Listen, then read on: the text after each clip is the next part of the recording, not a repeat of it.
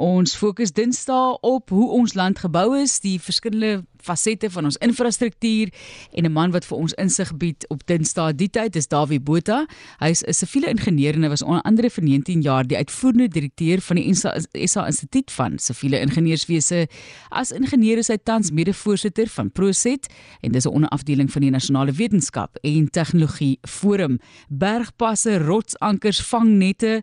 Dit voel vir my Dawie is of jy vir ons hier om Chapman's Peak vat, maar ja, daar's baie areas waar hierdie tipe van tegnologie en hulpmiddels gebruik moet word om dit veilig te maak. Welkom. Dankie Martelies. Ek wil daarmee net eers vir jou sê jy speel nou vandag my musiek en uh hierdie look inside my head het my laat dink jy kyk elke dinsdag in my kop uh want daar spoor so baie dinge rond wat 'n ou oor 'n leeftyd bymekaar gemaak het, jy weet. En dan ou Roger wat sê uh, sy land is nou uh, Kenia. Nou ja, my land is Suid-Afrika. Maar kom ons gaan kyk 'n bietjie na die die veiligheidsaspekte rondom passe en bergpasse en berghellings ensovoorts. Nou een van die siviele ingenieurs se grootste take is om sover moontlik die veiligheid van die publiek in ag te neem. Ons bou immers vir die mense rondom ons. En in hierdie uh ontwerpe bou ons dus veiligheidsfaktore in na gelang van die risiko wat dit die struktuur of 'n bouwerk en ons het ook verskillende ehm uh, kom ons sê veiligheidsfaktore wat ons nou gebruik. Nou in gewone taal sê dit byvoorbeeld teken dat die brug wat die ingenieur ontwerp 'n swaarder las kan dra as wat dit nodig is. En dan moet die professie van siviele ingenieurs ook nog onder andere versekerings uitneem want hulle bly volgens reëls en regulasies vir baie baie jare verantwoordelik vir ontwerp. Ek het nou nie onlangs gekyk na die syfers nie, maar dit kan 20 jaar wees en kan 30 jaar wees. Met ander woorde, as jy iets ontwerp dan bly jy vir daardie tydperk professioneel verantwoordelik. Dis 'n geweldige groot taak op 'n mens se skouers natuurlik. Nou die afgelope 2 weke het ons verskeie rampe gehoor. Uh geboue in Marokko wat nie vir aardbewings ontwerp is nie en het eenvoudig net aan mekaar gestort.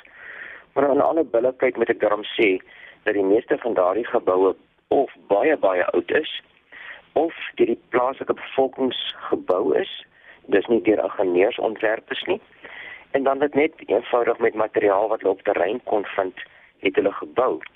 Nou dan is daar dikwels groot probleme as jy 'n aardbewing kry. Nou in Japan ontwerp hulle spesifiek onder andere vir aardbewings en daardie hoë torings uh het 'n het 'n slankheid ingebou en hulle kan selfs 'n bietjie beweeg as daar 'n aardbewing kom. En dit is natuurlik nou nie die geval wat ons nou Marokko gesien het nie.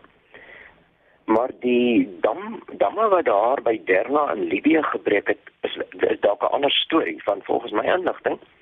Is daardie damme juis gebou om die stad teen vloede te beskerm. En nou daar berigte dat die dam nie in stand gehou word nie.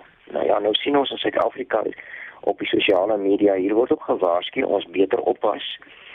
Ehm um, en dan in die geval van damme is daar byvoorbeeld 'n internasionale organisasie met die naam ICODE dit staan vir International Committee on Large Dams. In Suid-Afrika daar is 'n plaaslike uh tak om dit so te stel en dis bekend as SANCODE, so dis South African. Nou hier komitee sorg vir riglyne en hulle doen ook inspeksies vir groot damme. Met ander woorde elke dam wat gebou word, uh, moet gereeld nagesien word of dan moet gekyk word hoe lyk hy en is hy nog veilig. Maar wat bergpasse betref is daar nie wat sover ek weet noodwendig internasionale standaarde soos ICOT nie. Maar die veiligheid van die mense in 'n voertuig wat baie gebruik is natuurlik van baie groot belang. En dan in die meeste passe is daar groot uitgrawings en opvullings nodig en dit was teen baie skuinshelings. So as 'n mens bietjie gaan rondry in die Kaap, dan sien jy maar waar die ingenieurspaaie gebou het en dan ook van die ou pioniers. Ons het al 'n bietjie gepraat oor Selouris pas onder andere.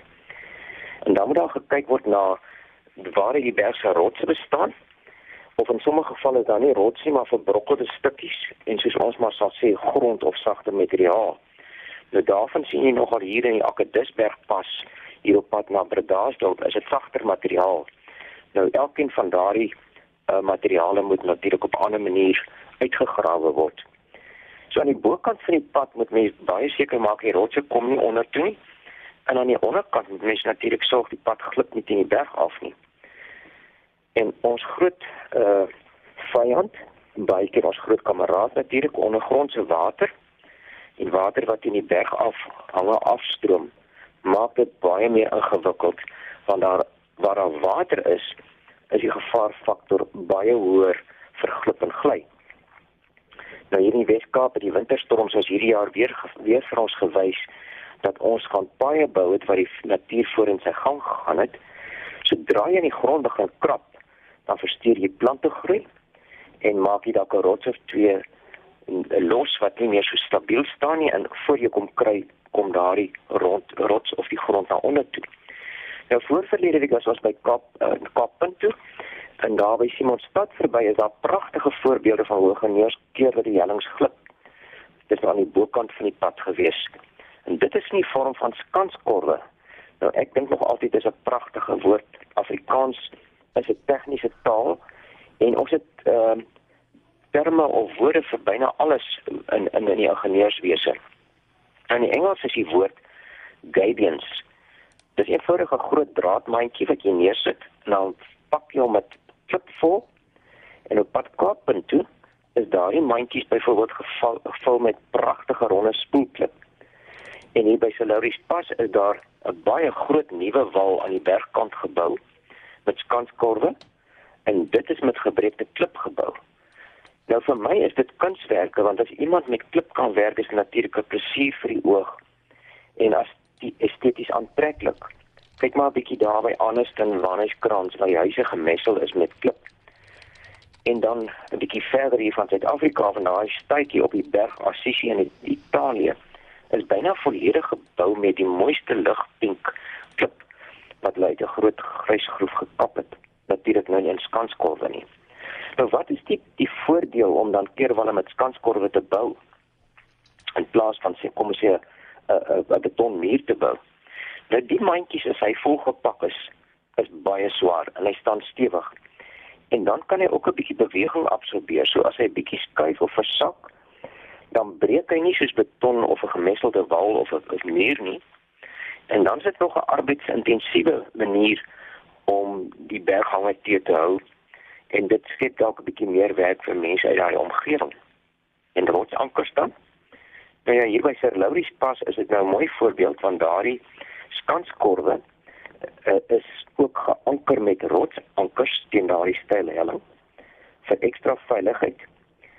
En 'n rotsanker uh, word gebou deur of gemaak deur 'n lang horisontale gat in die bergwand te boor dan word daar langs staalpenne in die gate gesteek en uiteindelik word daar 'n vloeibare sementmengsel onder druk aangespuit.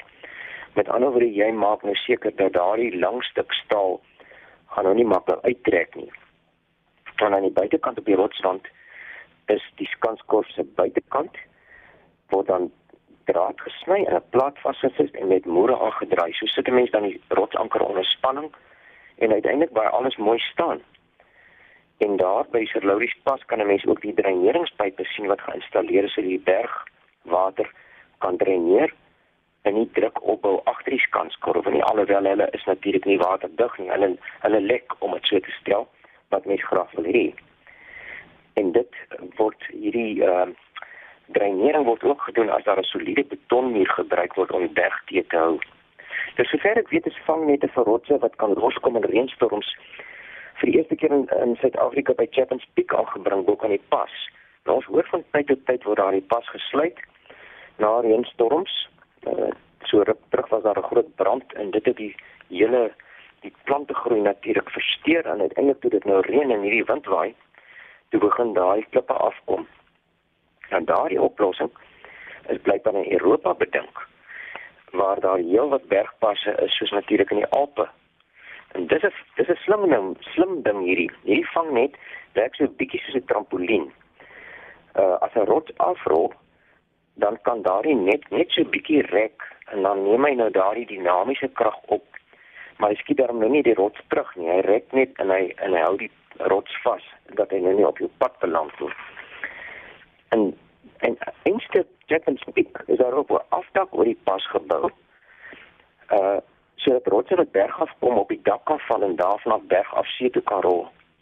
En miskien kon ons nog later weer bietjie gesels oor hoe ingenieurs bergpasse bou.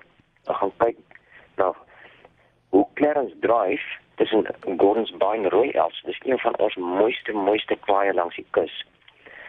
Hoe hoe hulle daar die ingenieurs ook groen ingenieurswese toegepas het en daardie opgradering van die pad so klompie jare gelede het byvoorbeeld Saisi se omgewingsingenieurswese prys gekry.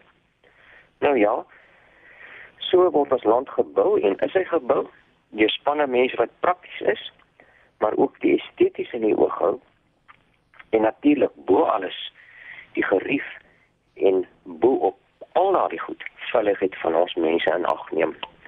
So dit is 'n baie interessante onderwerp hierdie mens kan nogal lank praat daaroor en miskien kan ons iemand kry om bietjie oor ons bergpasse in die Kaap te praat ook hoe dit baie baie jare gelede gebou is. Dit sal wonderlik wees. Ja, kyk, dit is so mooi daar. As jy nou nog nooit deur of Chapman Peak se roete gery het nie, iewers moet jy dit doen in jou lewe en soos jy sê daai roete daar by Gordons Bay om is regtig pragtig. Ons weet baie swaar gekry ook met die skade van die springgety, maar Dawie Botha baie baie dankie vir hierdie insig en kennis. Ons wil meer leer van jou soos gewoonlik. Heerlike week verder. Dis 'n plesier. Dankie, uh, Martelies.